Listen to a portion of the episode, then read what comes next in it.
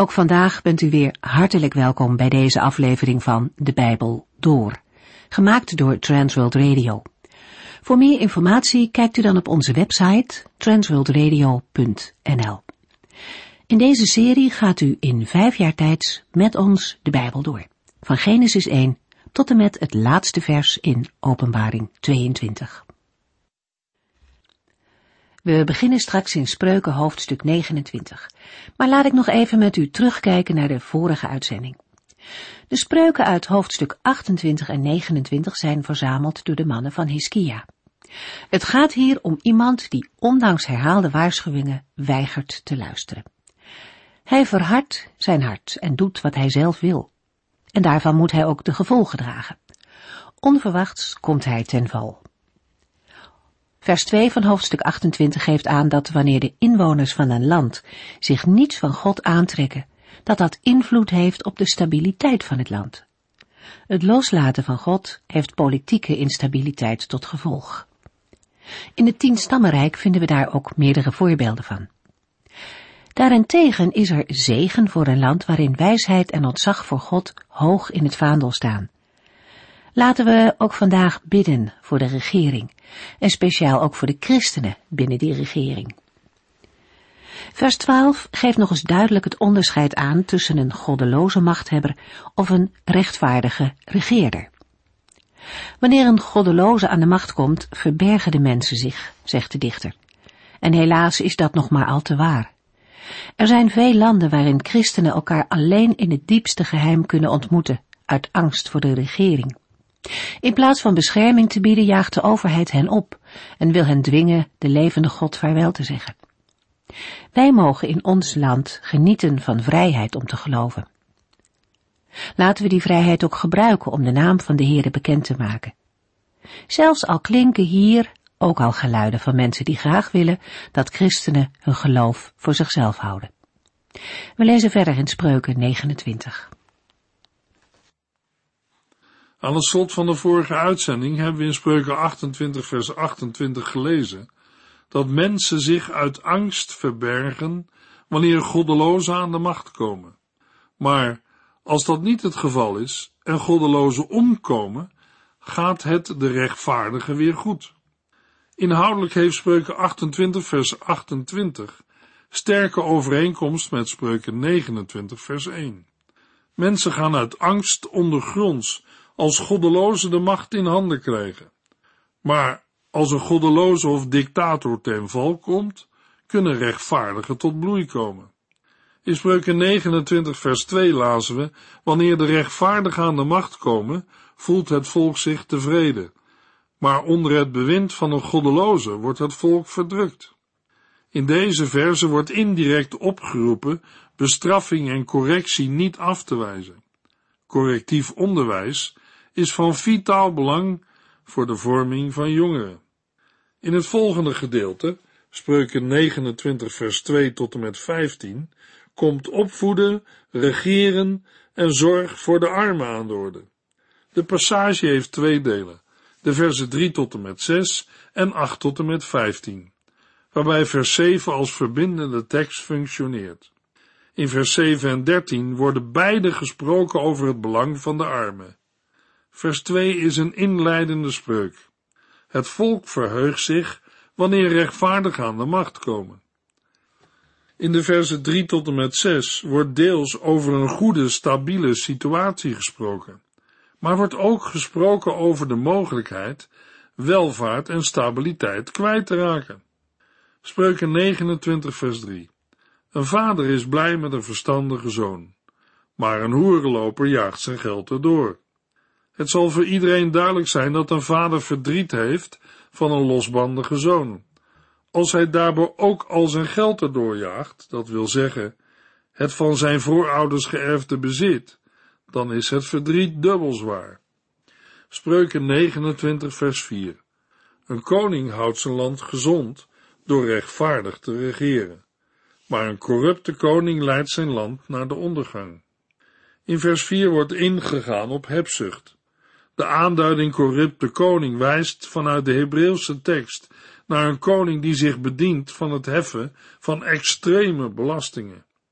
De woorden tekenen een corrupte koning die zichzelf verrijkt door torenhoge belastingen op te leggen. Spreuken 29 vers 5 en 6.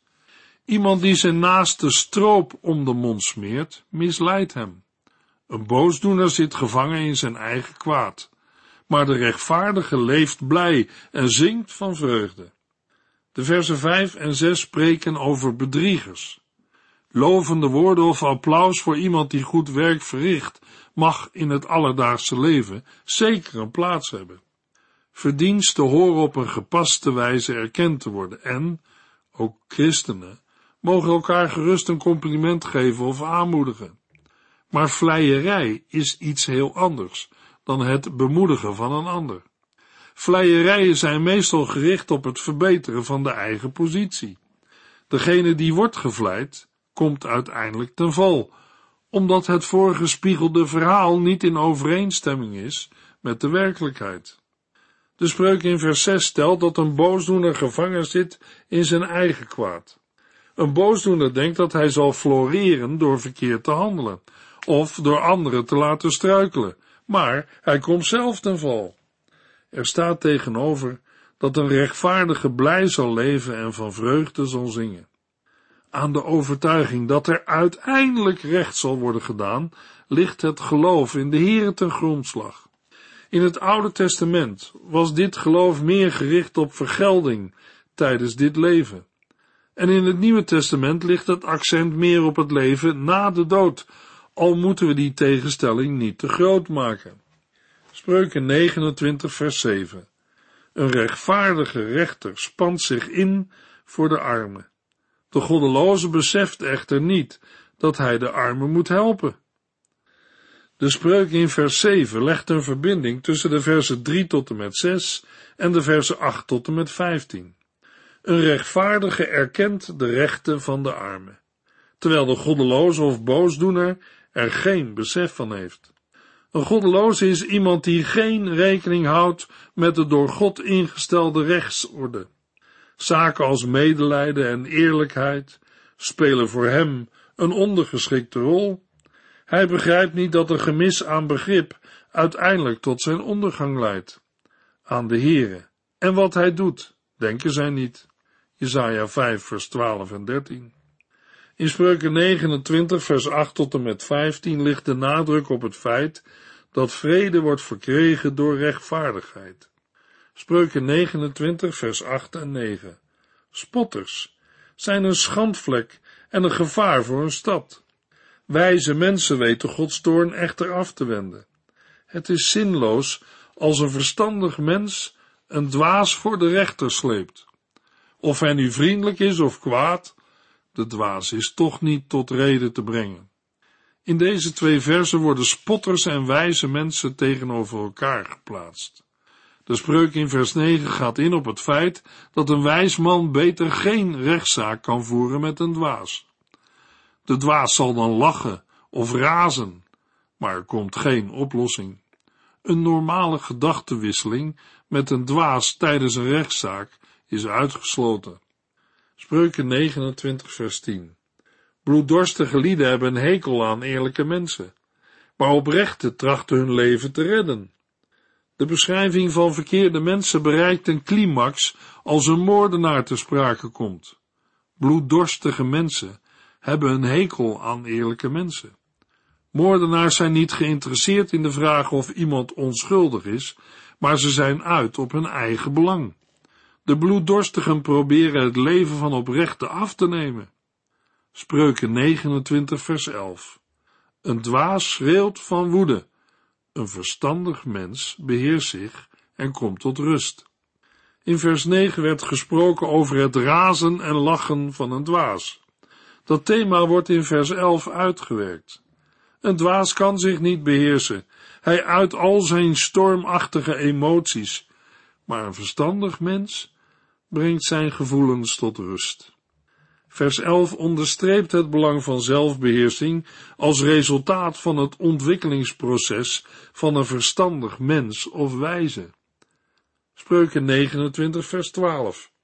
Een leider die naar leugens luistert, heeft goddeloze dienaars. De volgende verzen spreken vooral over het rechtvaardig handelen van een koning. Als hij gehoor geeft aan leugens, worden zijn dienaren boosdoeners. Het wangedrag van een koning bepaalt de levenswijze van zijn onderdanen. Zoals ouders bij de opvoeding van kinderen een voorbeeld zijn, zo is een koning een voorbeeld voor zijn dienaren en onderdanen. Midden tussen twee spreuken over de koning staat een theologische uitspraak in spreuken 29 vers 13. De overeenkomst tussen een arm mens en een machthebber is dat beide van God het licht in de ogen hebben gekregen. Er wordt mee aangegeven dat de Heer aan ieder mens het leven schenkt en dat daarom alle mensen als schepselen gelijkwaardig zijn. De machthebber moet leren de armen met respect te behandelen en de arme moet de machthebber, die hem mogelijk onderdrukt, niet verachten. Dat betekent niet dat de Heere onrecht ongestraft laat. Dat blijkt uit het vervolg. Spreuken 29, vers 14. Een koning die de rechten van de armen serieus neemt, is zeker van zijn macht. Een uitspraak die herinnering oproept aan Spreuken 16, vers 12b, waar gesteld is dat alleen oprechtheid een goede basis is voor een troon. Van koning David lezen we de toezegging dat zijn troon bevestigd werd in 2 Samuel 7 en 1 Kronieken 17. Indirect staat in vers 14 dat de Heere een einde zal maken aan het optreden van onderdrukkers, hoe lang het ook duurt. Spreuken 29 vers 15. Straf en berisping leiden tot wijsheid, maar een kind dat aan zichzelf wordt overgelaten, wordt een schande voor zijn ouders. Spreuken 29 vers 8 tot en met 15 sluit af met een opvoedkundige spreuk. Deze uitspraak pleit voor zorgvuldigheid bij de opvoeding. Een kind moet worden gecorrigeerd en mag niet aan zichzelf worden overgelaten door alles toe te staan of door niet naar hem of haar om te zien. Spreuken 29, vers 16 tot en met 27 wordt omgeven door twee spreuken. In de versen 16 en 27, die handelen over de gevolgen van de heerschappij van goddelozen en rechtvaardigen. Het middendeel bevat twee stukken. De eerste helft, de versen 17 tot en met 21, gaat over de noodzaak van discipline. En in de tweede helft, de versen 22 tot en met 26, worden goddelozen geplaatst tegenover hen die de Heere vertrouwen. Spreuken 29 vers 16 is een inleiding. De spreuk zegt dat de macht van goddelozen van tijdelijke aard is. Dat is enerzijds een woord van troost voor de onderdrukte rechtvaardigen en anderzijds een waarschuwing voor de goddelozen. Spreuken 29 vers 17 tot en met 21. Als u uw zoon bestraft, komt hij goed terecht. Hij zal u reden tot blijdschap geven. Als het volk Gods boodschap niet meer hoort, raakt het uit de koers. Gelukkig is hij die naar Gods wet leeft. Een knecht luistert nauwelijks naar berisping. Hij hoort u wel, maar trekt zich er niets van aan. Kent u iemand die onbezonnen spreekt? Zo'n man is nog dommer dan het dwaas. Als u te goed bent voor een knecht, denkt hij tenslotte dat hij dezelfde recht heeft als uw zoon. Een vader wordt geadviseerd zijn zoon te bestraffen, zodat hij goed terecht zal komen en hem blijdschap geeft. In vers 18 wordt gezegd dat het volk bandeloos wordt als er geen openbaring van de Heere meer is. Het houdt verband met het wijsheidsonderricht, dat is geënt op ontzag en eerbied voor de Heere. Als een volk zich niet houdt aan de normen en waarden van de Heere, dan ontspoort het. Vers 19 geeft instructie over het omgaan met knechten. Net als bij een zoon is er soms stevig correctief onderwijs nodig. En daarbij zal zijn meester de harde confrontatie niet moeten schuwen. Overigens houdt de aanbeveling niet in dat de meester tegen elke prijs zijn gezag moet uitoefenen. In vers 20 klinkt een waarschuwing voor het gevaar van impulsief taalgebruik. Woorden van dwazen zijn vaak ondoordacht, overhaast en roekeloos. Ten slotte wordt in vers 21 gesproken over iemand die zijn knecht van jongs af verwint. Uiteindelijk zal hij denken dat hij dezelfde rechten heeft als een zoon, en is hij als knecht niet meer te sturen. Spreuken 29 vers 22 tot en met 24 waarschuwt de zoon of leerling voor geestelijke onverlaten.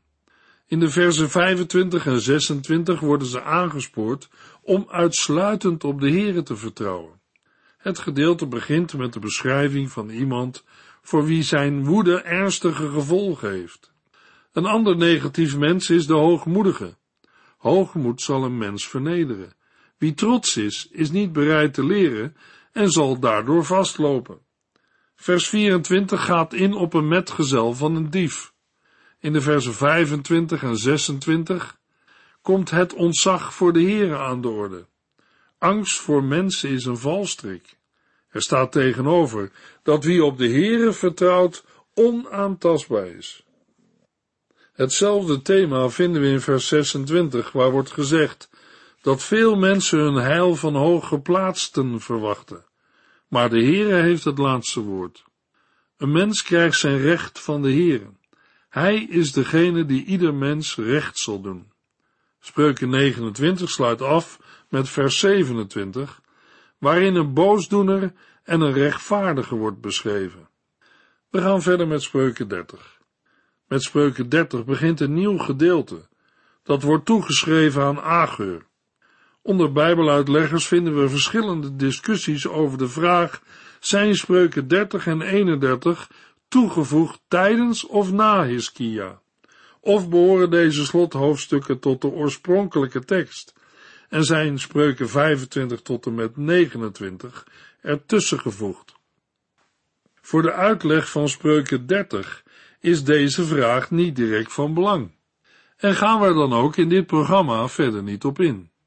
Spreuken 30 kan onderverdeeld worden in een opschrift, vers 1a, een introductie, vers 1b tot en met 9, zeven getalspreuken, de versen 10 tot en met 31, en een conclusie in de versen 32 en 33. Er zijn uitleggers die een aantal versen in Spreuken 30 niet aan Ageur toeschrijven. Wij kiezen ervoor dat heel Spreuken 30 van Ageur is. Spreuken 30 vers 1a. Dit zijn de woorden van Ageur, de zoon van Jake. Het zijn woorden van God. Het opschrift vermeldt Ageur, de zoon van Jake, als auteur. Het gedeelte wordt omschreven als woorden van God, een godspraak of profetie. Ondanks verschillen in uitleg bij diverse commentatoren, geven wij de voorkeur aan de vertaling de woorden van Agur, de zoon van Jake, die een profetie ontving. De namen Agur, Jake en in spreuken 31 Lemuel zijn binnen en buiten de Bijbel onbekend en worden door diverse rabbijnen symbolisch opgevat als aanduidingen van Salomo zelf. Spreuken 30 vers 1 Dit zijn de woorden van Agur, de zoon van Jake, het zijn woorden van God. De strijder zegt, God, ik heb zoveel moeite gedaan, ik kan niet meer. Spreuken 30, vers 1b tot en met 9 begint met een uitermate moeilijk te verklaren tekst. De eerste twee woorden van vers 1b zijn duidelijk, want die geven in het Hebreeuws met de man spreekt tot Ittiel, Ittiel en Oegal aan dat het een woord van de man, namelijk van Ageur is. We kunnen dan vertalen met de godspraak van de man. En dat is een plechtige uitdrukking, bijvoorbeeld, gebruikt door Biliam in nummer 24 vers 3 en David in 2 Samuel 23 vers 1. De rest van het vers is een omschrijving van de vrienden tot wie Ageur spreekt, of een uitroep die het begin van het volgende deel vormt. In het besef dat er ook andere keuzes gemaakt kunnen worden, kiezen wij voor de traditionele opvatting dat er sprake is van een godspraak voor de leerlingen van Ageur, namelijk Itiel en Oegal. We kunnen hen opvatten als representanten van de Israëlieten. De versen 2 tot en met 6 bevatten een persoonlijke beleidenis van Ageur. Hij begint in de versen 2 en 3 met een menselijke bekentenis. Die bestaat uit twee beweringen, gevolgd in vers 4 door vijf retorische vragen. Met vers 5 en 6 wordt de bekentenis afgesloten door twee aanhalingen uit de Bijbel. Spreuken 30 vers 2 tot en met 6. Ik schiet tegenover iedereen tekort, en het ontbreekt mij aan verstand. Ik heb geen wijsheid verkregen en begrijp ook niets van alles wat heilig is. Wie ging er naar de hemel en kwam weer terug? Wie houdt de wind stevig vast? Wie heeft al het water in een mantel gebonden? Wie gaf de aarde haar vorm en omtrek? Hoe heet hij en hoe heet zijn zoon? Zeg het mij als u het weet. Gods woorden zijn puur en zuiver. Hij beschermt ieder die op hem vertrouwt. Voeg niets aan zijn woorden toe, want dan straft hij u, omdat u een leugenaar bent. Ageur beleidt zijn eigen onwetendheid. Hij gebruikt negatieve woorden om aan te geven hoe beperkt hij is in zijn kennis. Een verklaring die haaks lijkt te staan op de betrekkelijke positieve uitspraken in de vorige hoofdstukken. Toch is de tegenstelling niet zo groot, want steeds weer is er het besef dat er buiten de openbaring van de Here geen wijsheid bestaat. In vers 3 wordt de verklaring in zaken zijn beperktheid voortgezet. Agur stelt dat hij geen wijsheid heeft geleerd. Hij is niet in staat gebleken in eigen kracht wijsheid te verwerven, maar zegt dat het verwerven van wijsheid alleen mogelijk is door de Here te leren kennen. Na deze persoonlijke bekentenis volgt een lang vers dat bestaat uit vijf retorische vragen, waarin duidelijk wordt gemaakt hoe groot de Heer is en hoe beperkt een mens. Het antwoord op de gestelde vraag is de Heere. God beschikt over het vermogen om alles onder controle te houden. Deze heerschappij weerspiegelt zijn grote wijsheid. Ten slotte wordt in vers 9 de vraag gesteld wat zijn naam is en wat de naam van zijn zoon is. Het is duidelijk dat Ageur de Heere bedoelt, maar wie wordt er met de zoon bedoeld? In het Oude Testament is de zoon van God een aanduiding van het volk Israël, een koning uit het geslacht van David of een hemels wezen. Het meest waarschijnlijk is dat in Spreuken 30 wordt gesproken over het volk Israël als zoon van God. Zij zijn immers de dragers van de openbaring van de Here.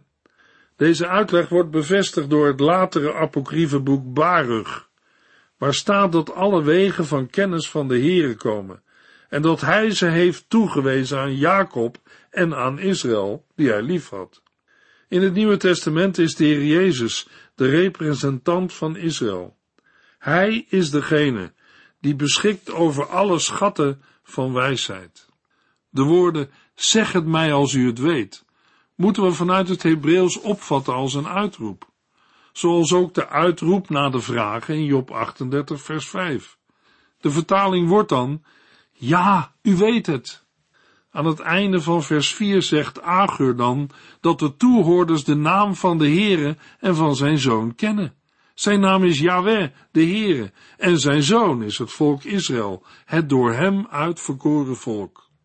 De teksten in vers 5 en 6 zijn een verwerking van Davids overwinningslied uit 2 Samuel 22 vers 31 en Psalm 18 vers 31 en een bewerking van Deuteronomium 4 vers 2 en Deuteronomium 12 vers 32. Later komt de tekst terug in Openbaring 22 vers 18 en 19 als afsluiting van het Bijbelboek Openbaring. De bepalingen geven aan dat niets van de inhoud van Gods woord mag worden gewijzigd of aangepast. Spreuken 30 vers 7 tot en met 9. God, ik heb twee dingen aan u gevraagd en geef mij die alstublieft voordat ik sterf. Houd ongeloof en leugens bij me weg. Geef mij armoe nog rijkdom, maar alleen wat ik nodig heb. Want als ik verzadigd zou zijn, zou ik u misschien verloochenen door te zeggen, wie is de Heere? En als ik arm was, zou ik misschien gaan stelen en daardoor uw naam oneer aandoen. Vervolgens vraagt Ageur de Heer om betrouwbaarheid en bescheidenheid. Agur is in zijn gebed gericht op Gods eer en hij vraagt of God hem niet in een positie wil brengen daar afbreuk aan te doen. Met spreuken 30 vers 10 begint het hoofdgedeelte met de zeven getalspreuken.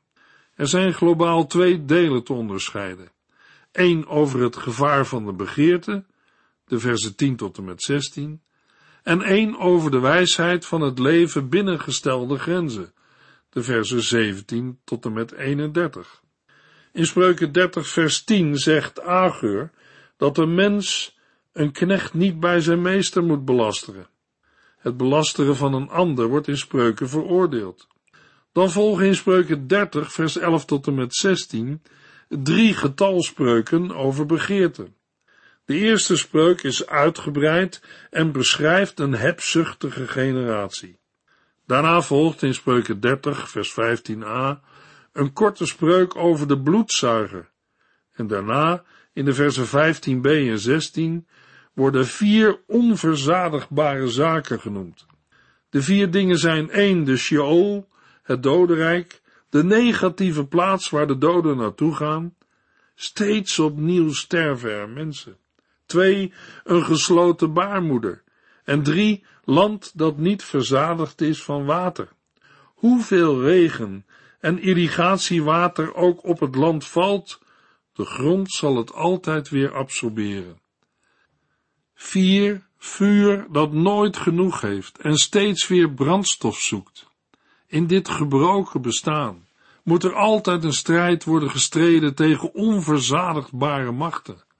In Spreuken 30 vers 17 tot en met 19 lezen we over de consequenties van het verachten van de ouders. En daarna volgen vier getalspreuken waarin mensen worden aangespoord om sociale structuren te respecteren. Maar daarover meer in de volgende uitzending. U heeft geluisterd naar De Bijbel Door, in het Nederlands vertaald en bewerkt door Transworld Radio. Een programma waarin we in vijf jaar tijd de hele Bijbel doorgaan. Als u wilt reageren op deze uitzending of u heeft vragen, dan kunt u contact met ons opnemen. Tijdens kantooruren kunt u bellen op 0342 47 8432. 0342 47 8432. Ook kunt u een e-mail sturen naar de transworldradio.nl en natuurlijk kunt u ook via de post ons bereiken. TWR, postbus 371, postcode 3770, AJ in Barneveld. Dit programma werd gepresenteerd door Cor Weda en Ike André. Techniek was in handen van Odin van Voerkom. En wij allemaal bedanken u voor het luisteren. Graag tot de volgende keer.